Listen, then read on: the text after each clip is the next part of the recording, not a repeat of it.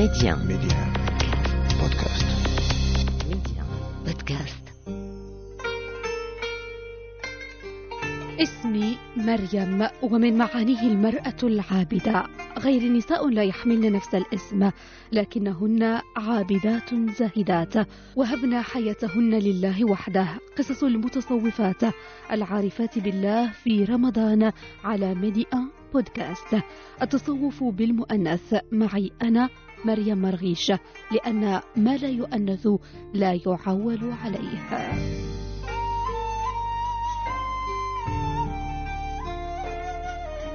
اصرفوا عني طبيبي ودعوني وحبيبي.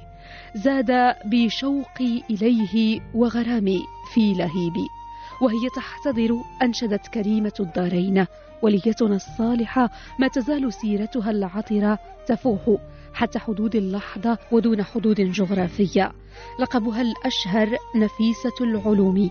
أصلها يمتد لآل البيت. تربت في حضن العلم والمعرفة فكانت محدثة مفسرة فاضلة وحافظة لكتاب الله مجيدة. سافرت إلى مصر حيث أكملت المسير حتى النهاية. هناك اشتهرت بمعرفتها وعلمها.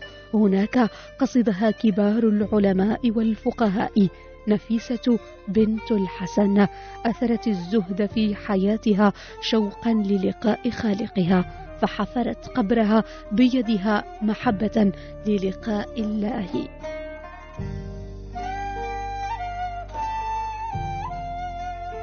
حين بدأنا رحلة التصوف بالمؤنث كان الهدف ألا نطبع مع ما نعبر به أو ما نسمع حوله وما يخترق مسامعنا دون تفحصه.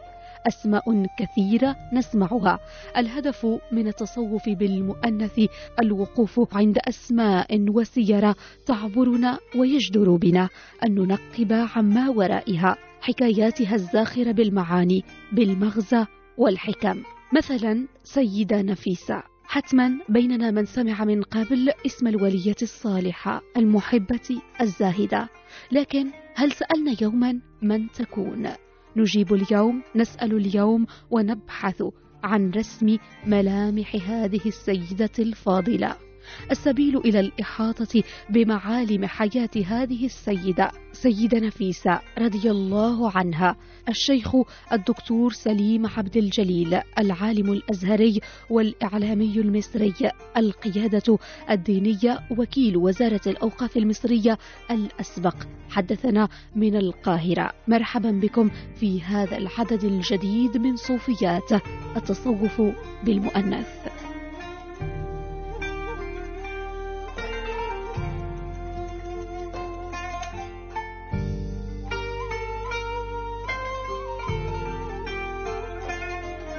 يا آل بيت رسول الله حبكم فرد من الله في القرآن أنزله. يكفيكم من عظيم الفخر أنكم من لم يصل عليكم لا صلاة له. بيت للإمام الشافعي كتب على باب مقامها الطاهر سيدة نفيسة. هكذا عرفت بين مريديها. الذين قصدوا مرقدها بالقاهرة العاصمة المصرية بعد وفاتها. وكذلك الذين عايشوها وشهدوا على حياتها قادمة من المدينة المنورة. وليتنا الصالحة حفيدة لجدها الإمام الحسن ابنة بيئتها يقول ضيفنا الدكتور الشيخ سليم عبد الجليل. بسم الله الرحمن الرحيم الحمد لله والصلاة والسلام على رسول الله وبعد. السيدة نفيسة رضي الله عنها وأرضاها هي من آل بيت النبي صلى الله عليه وآله وسلم وهي بنت الحسن بن زيد ابن الحسن ابن علي بن أبي طالب كرم الله وجهه ورضي الله عنه. إذا هي حفيدة لجدها الإمام الحسن. ثم الجد الأعلى الإمام علي بن أبي طالب رضي الله عنهم جميعا. ولدت بمكة المكرمة في يوم الحادي عشر من شهر ربيع الأول في سنة خمس وأربعين ومائة من هجرة النبي صلى الله عليه وآله وسلم. فمكان مولد السيدة نفيسة مكة المكرمة. لكنها ترعرعت في المدينة المنورة. حيث انتقلت مع والدها في سن الخامسة واستوطنت المدينة المنورة. وهنا قد أصابها من فضل الله سبحانه وتعالى بجوار النسب الشريف أصابتها كرامة المجاورة الشريفة لجدها الأعلى النبي صلى الله عليه وآله وسلم.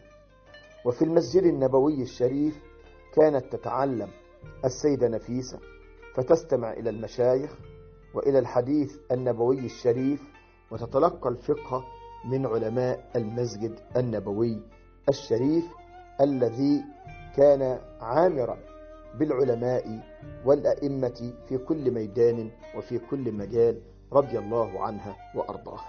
من المدينة المنورة إلى مصر فصل هام من حياة السيدة الفاضلة دونته بالقاهرة. هناك كسبت قلوب مريديها الذين أبوا أن ترحل عنهم سيدة الكرامات. أقاموا الدنيا ولم يقعدوها حتى استجابت لدعوتهم بالبقاء بينهم. كيف لا؟ وهي التي تستجاب دعواتها ويقبل رجاؤها. هي التي تصوم وتقوم. سيدة نفيسة أحبها المصريون وغيرهم لفضلها ولأصلها كذلك. وصلت رضي الله عنها وأرضاها إلى مصر في عام 193 هجرية. وذلك كان في شهر رمضان في السادس والعشرين منه. جاءت السيدة نفيسة رضي الله عنها وأرضاها إلى مصر مع أسرتها واستقبلت بحفاوة من أهل مصر لأن أهل مصر كما نعرف يقدرون آل البيت تقديرا عظيما. وكانت رضي الله عنها وأرضاها قبلة للوافدين إليها سواء كان من الخاصة أو كان من العلماء المحبين لآل البيت أو كان من الناس الذين يحبون آل البيت ويأنسون بمجاورتهم. هذه السيدة الكريمة لم تكن تعزم على الإقامة بمصر وربما قررت أن تعود إلى المدينة المنورة وكانت تقول زاد حنيني إلى روضة جدي لكن عامة الناس ممن كانوا يحبون آل البيت تجمعوا وتوسلوا إليها وناشدوها البقاء لتبقى في مصر حتى يقال إن والي مصر عندئذ تدخل ووهبها دارا أكبر حتى لا تضيق بزوارها فأقامت باقي حياتها في مصر المعمورة إلى أن توفيت رضي الله عنها وأرضاها في القاهرة وشيد لها ضريح وبني مسجد بجواره معروف الآن في مصر بمسجد السيدة نفيسة. كثير من الناس يغشى هذا المسجد ويرتاحون للصلاة فيه ويجدون فيه راحتهم. ربما أكثر من مساجد مصر الأخرى. إضافة طبعا إلى المساجد المعمورة الكبيرة لآل بيت النبي صلى الله عليه وآله وسلم. أمام محبة غامرة تكن للسيدة نفيسة يطرح ضيفنا سؤالا ملحا. وهنا السؤال المنطقي. هل يمكن أن تكون الولاية لامرأة وتصبح محببة إلى الخلق بالذات الصالحين منهم لأن ال ال ال الله عز وجل وضع لها القبول في الأرض الإجابة قطعا نعم. فإن الولاية ليست خاصة بالرجال بل إن الله سبحانه جل في علاه جعل الولاية لمن حقق شرطين أساسيين. الشرط الأول الإيمان الشرط الثاني تقوى الله سبحانه وتعالى. وفي هذا يقول ربي جل في علاه ألا إن أولياء الله لا خوف عليهم ولا هم يحزنون الذين آمنوا وكانوا يتقون. فكل مؤمن تقي هو لله ولي. لما يضم إلى التقوى والإيمان والصلاح شرف النسب الانتساب إلى بيت النبوة الانتساب لعلي ابن أبي طالب رضي الله عنه وأرضاه بعد الانتساب إلى الجد العظيم محمد صلى الله عليه وآله وسلم. قطعا لابد أن تكون هذه النسبة الشريفة مع الإيمان ومع التقوى دافعا قويا للحصول على هذا الوصف العظيم وصف الولاية. ولما نقول أن السيدة نفيسة كانت أجدر بهذا الوصف فهذا حقيقي وهي حرية به بإجماع الأمة ولذلك لم يختلف الناس على صلاحها وعلى ولايتها وكانوا يلجؤون إليها عند الحاجة فتدعو لهم فيستجيب الله. سبحانه وتعالى دعاءها. إذا دعت استجاب الله دعاءها. كانت سيدة نفيسة مميزة بشخصية أولت الدين اهتماما وأمور الدنيا عناية. نفيسة العلوم أو نفيسة العلم التي حفظت القرآن الكريم طفلة. ختمته بدل المرة آلافا. نقل عن زينب بنت أخيها قولها. خدمت عمتي السيدة نفيسة أربعين عاما فما رأيتها نامت بليل ولا أفطرت إلا العيدين وأيام التشريق. فقلت لها أما ترفقين بنفسك؟ فقالت كيف أرفق بنفسي وأمامي عقبات لا يقطعهن إلا الفائزون؟ من أهم الصفات التي ميزت السيدة نفيسة العلم حتى وصفوها وقالوا عنها نفيسة العلوم. نفيسة العلوم لأنها كما قلت في بدايتها نشأت في المدينة المنورة وهناك كان الفقهاء وكان المحدثون وكان العلماء في كل ميدان فأتت إلى مصر المحروسة المعمورة واستوطنت في القاهرة وهي صاحبة فقه وصاحبة علم حتى كان يجلس إليها الإمام الشافعي رضي الله عنه. وأرضاه وهو من أعلام الفقه الإسلامي وصاحب المذهب العظيم مذهب الإمام الشافعي كان يستفيد من علمها ويراجع معها بعض المسائل وكذلك يراجع عليها الحديث النبوي الشريف. لها كرامات عديدة تختزنها المراجع على كثرتها يذكر البعض شفاء المريض. تقول بعض النصوص إن الإمام الشافعي كان إذا مرض يرسل لها رسولا من عنده فيقرأها سلامه ويقول لها إن ابن عمك الشافعي مريض ويسألك الدعاء فتدعو له. فلا يرجع إليه رسوله إلا وقد عوفي من مرضه. كرامات أخرى كانت لها. يذكر بينها الدكتور سليم عبد الجليل. السيدة نفيسة رضي الله عنها وأرضاها كانت من الصالحات. والصالحات أو الصالحون بشكل عام. قطعا لهم كرامات على الله سبحانه وتعالى. والسيدة نفيسة بصفتها فيما نحسب والله أعلم أنها من أولياء الله الصالحين. لا يستبعد أن تكون لها كرامات. حتى أنه حكي أن النيل ربما يعني قل منسوبه المائي فلجأوا إليها فدعت الله سبحانه جل في علاه فعاد النيل يجري ببركة دعائها. وهذه من الموروثات التي تحكى لكن لا توجد مسانيد أو أسانيد صحيحة يمكن أن يستند إليها في معرفة مثل هذا. لكن لا يستبعد أن تكون للسيدة نفيسة رضي الله عنها وأرضاها كرامات. إنما لا يجوز مع هذا أن نتقرب إليها وأن ندعوها من دون الله سبحانه وتعالى بل يجب أن يكون دعاؤنا لله عز وجل كما في الحديث الصحيح. إني أعلمك كلمات احفظ الله يحفظك احفظ الله تجده تجاهك إذا سألت فاسأل الله وإذا استعنت فاستعن بالله. ونحن نؤمن بأن الكرامة ثابتة إلى يوم القيامة للصالحين من عباد الله سبحانه وتعالى. وقد أجرى الله تعالى الكرامة وسجلها في القرآن الكريم لمريم عليها السلام وكذلك سجل الكرامة لغيرها من أولياء الله الصالحين. فالكرامة باقية وهي ثابتة ولا يستبعد أبدا أن يكون لمثل السيدة نفيسة في مقامها الشريف أن يكون لها بعض الكرامات وندعو الله سبحانه وتعالى أن يجمعنا وهي في زمرة جدها النبي صلى الله عليه وآله وسلم. شوقها للمحب ارتفع منسوبه يوما بعد آخر. ولية صالحة امرأة فاضلة أمتصوفة نعتبرها.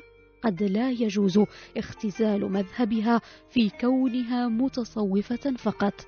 المحدد الأول في ذلك مسألة الزمن والمعنى أيضا. سيدة بصفات أخلاقية وروحية كانت جديرة بوصف الولية الصالحة. الحقيقة لا يجوز أن إحنا نختزل مذهب السيدة نفيسة في كونها متصوفة. حسب السيدة نفيسة مقامها الشريف العالي. التصوف لم يكن مشتهر في هذا الوقت الذي كانت فيه السيدة نفيسة رضي الله عنها وأرضاها إنما كان الزهد وكان الورع وكذلك كانت كانت زاهدة وكانت ورعة وكانت تقية دينة فلم يكن التصوف عندئذ كمدرسة علمية أو مدرسة روحية لم يكن مشتهر بعد.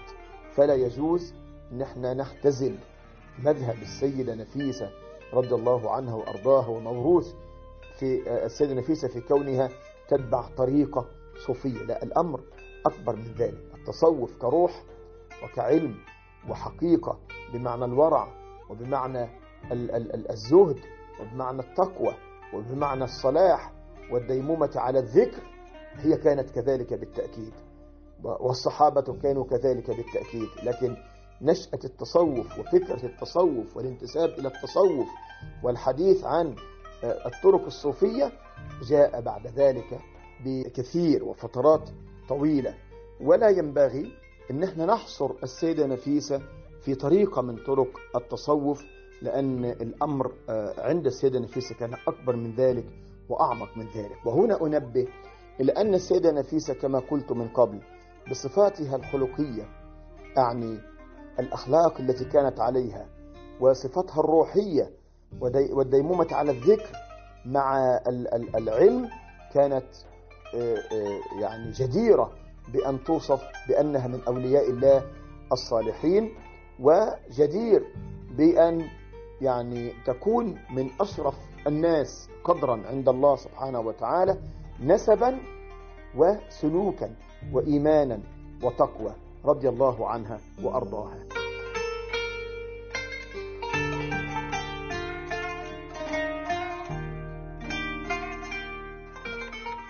عاشت صالحة إلى جانب صالح. صالحة زوجة صالح بالرغم من تكريسها لحياتها في سبيل الله وحده إلا أنها اقترنت بأحد الصالحين. تقول بعض المراجع تزوجت السيدة نفيسة وعمرها لم يتجاوز خمس عشرة سنة. نفيسة أم أيضا. تزوجت السيدة نفيسة رضي الله تعالى عنها وأرضاها برجل من الصالحين اسمه إسحاق المؤتمن ابن جعفر رضي الله عنهم جميعا. وأنجبت هذه السيدة الكريمة الشريفة أنجبت القاسم وأم كلثوم. قبول في الأرض ولية صالحة ما تزال تحتفظ لنفسها بمكانة خاصة في قلوب محبيها. الذين يزورون قبرها ويصلون بالمسجد الذي يحمل اسمها. هناك بالقاهرة ودعت السيدة نفيسة الحياة تقرأ القرآن كما نقل عنها بعد أن اشتد بها المرض. رفضت نفيسة أن تفطر رغم نصائح الأطباء. أنشدت بيتها الذي اقتبسنا منه أبياتا في البداية. ونختم بتكملته في النهاية. قالت السيدة نفيسة حين طلب منها الأطباء أن تفطر وهي على فراش الموت. طاب هتكي في هواه بين واش ورقيبي لا أبالي بفوات حيث قد صار نصيبي. ليس من لام بعذل عنه فيه بمصيبي جسدي راض بسقمي وجفوني بنحيبي. عندما توفيت السيدة نفيسة رضي الله عنها وأرضاها وكان ذلك في القاهرة في رمضان من عام 208 للهجرة. أراد زوجها إسحاق ابن الإمام جعفر أن ينقل جثمانها الشريف إلى المدينة المنورة حيث هناك تدفن في البقيع مع الكثيرين من آل البيت والكثيرين من صحابة النبي عليه الصلاة والسلام وكانت قد أوصت بهذا ويقال أنها أعدت قبرها بيديها لتنزل فيه حتى يقال أنها ختمت فيه القرآن الكريم مرات لا تحصى إلا أن أهل مصر توسلوا إلى الوالي كي يتوسط عند زوجها لتبقى بجثمانها الشريف وروحها الطاهرة في القاهرة بمصر وبالفعل وافق زوجها على هذا وبقيت السيدة نفيسة رضي الله عنها وأرضاها في مصر وللمصريين وكان ضريحها الشريف ومسجدها الشريف الذي بني في هذا المكان على ضريحها بقي في مصر يغشاه الناس يتعلم فيه الدروس العلمية من العلماء والفقهاء ويصلون فيه صلاة يشعرون فيها بالطمأنينة والسكينة. ندعو الله سبحانه وتعالى أن يجعلنا من الأولياء الصالحين وأن يجعلنا من أحبابه سبحانه جل في علاه الذين بشر بأنه إذا أحبهم نادى جبريل إن الله يحب فلانا فأحبوه فيوضع له القبول في الأرض. والسيدة نفيسة لا يختلف اثنان على أنها قد وضع لها القبول في الأرض لحب الله سبحانه وتعالى لها لأنها جمعت بين نسب شريف وعمل صالح إيمان وتقوى ونسب فاستحقت بجدارة أن تكون من أولياء الله الصالحين الذين قال الله تعالى فيهم ألا إن أولياء الله لا خوف عليهم ولا هم يحزنون؟ الذين آمنوا وكانوا يتقون. لهم البشرى في الحياة الدنيا وفي الآخرة. شكرا لكم. السلام عليكم ورحمة الله وبركاته.